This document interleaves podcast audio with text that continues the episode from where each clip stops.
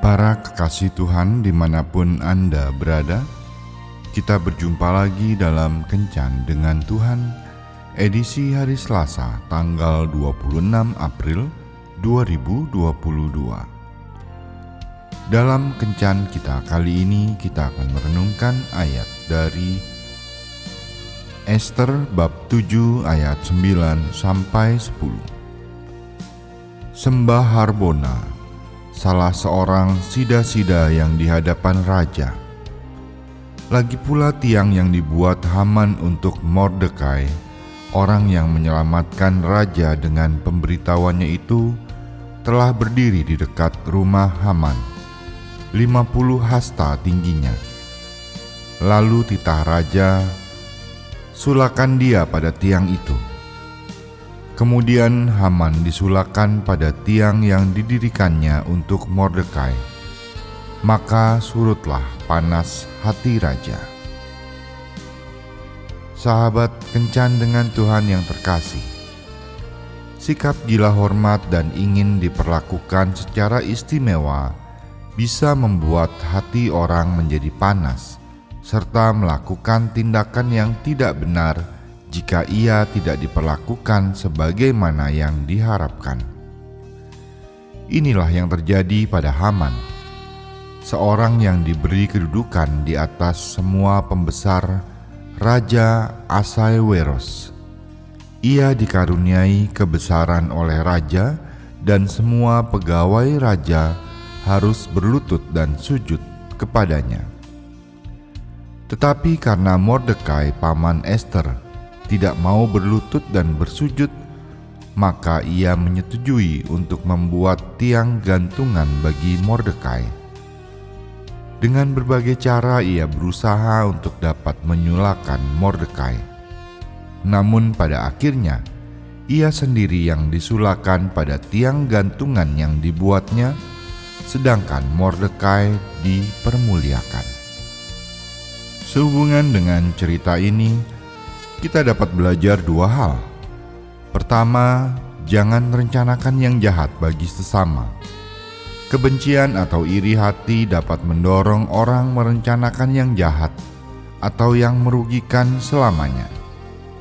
Tetapi ketahuilah bahwa Tuhan tidak akan pernah tinggal diam. Mungkin tidak seorang pun yang tahu rencana jahat apa yang ada di dalam hati kita tetapi Tuhan yang Maha Tahu mengetahui segala yang tersembunyi di dalam hati kita. Firman Tuhan berkata, "Siapa menggali lubang akan jatuh ke dalamnya, dan siapa menggelindingkan batu, batu itu akan kembali menimpa dia." Amsal 26 ayat 27 Ketika kita mulai merencanakan yang jahat bagi sesama, maka sebenarnya saat itu juga kita sedang merencanakan yang jahat bagi diri kita sendiri. Kejahatan yang kita rencanakan ataupun perbuat kepada sesama itu akan menimpa diri kita sendiri pada akhirnya. Oleh karena itu, jangan pernah merencanakan yang jahat bagi sesama, sementara sesamamu itu sendiri tidak curiga apa-apa terhadapmu. Amsal 3 ayat 29 Kedua, perbuatlah seperti yang kau ingin orang lain perbuat terhadapmu. Salah satu kelemahan kita sebagai manusia adalah selalu memikirkan diri sendiri. Hampir di setiap pembicaraan, kita selalu terdorong untuk membicarakan permasalahan, cita-cita, kepentingan, dan kelebihan diri sendiri. Sikap yang berpusat pada diri sendiri inilah yang kemudian mendorong orang untuk melakukan apa yang akan mendatangkan kebaikan dan keuntungan bagi dirinya sendiri, tanpa memikirkan kebaikan atau keuntungan bagi orang lain.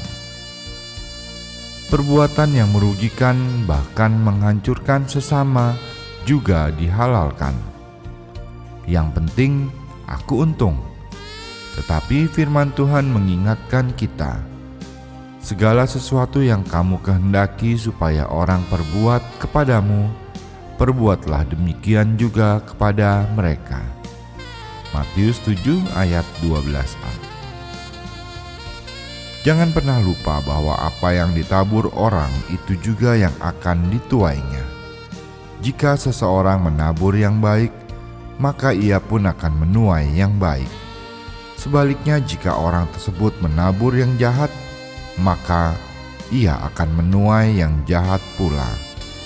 Itu sebabnya, selama masih ada waktu untuk menabur yang baik, taburlah yang baik agar kita menuai yang baik. Tuhan Yesus memberkati. Marilah berdoa. Tuhan Yesus, jadikanlah hatiku seperti hatimu, hati yang selalu merancangkan yang baik untuk kehidupan anak-anakmu. Amin.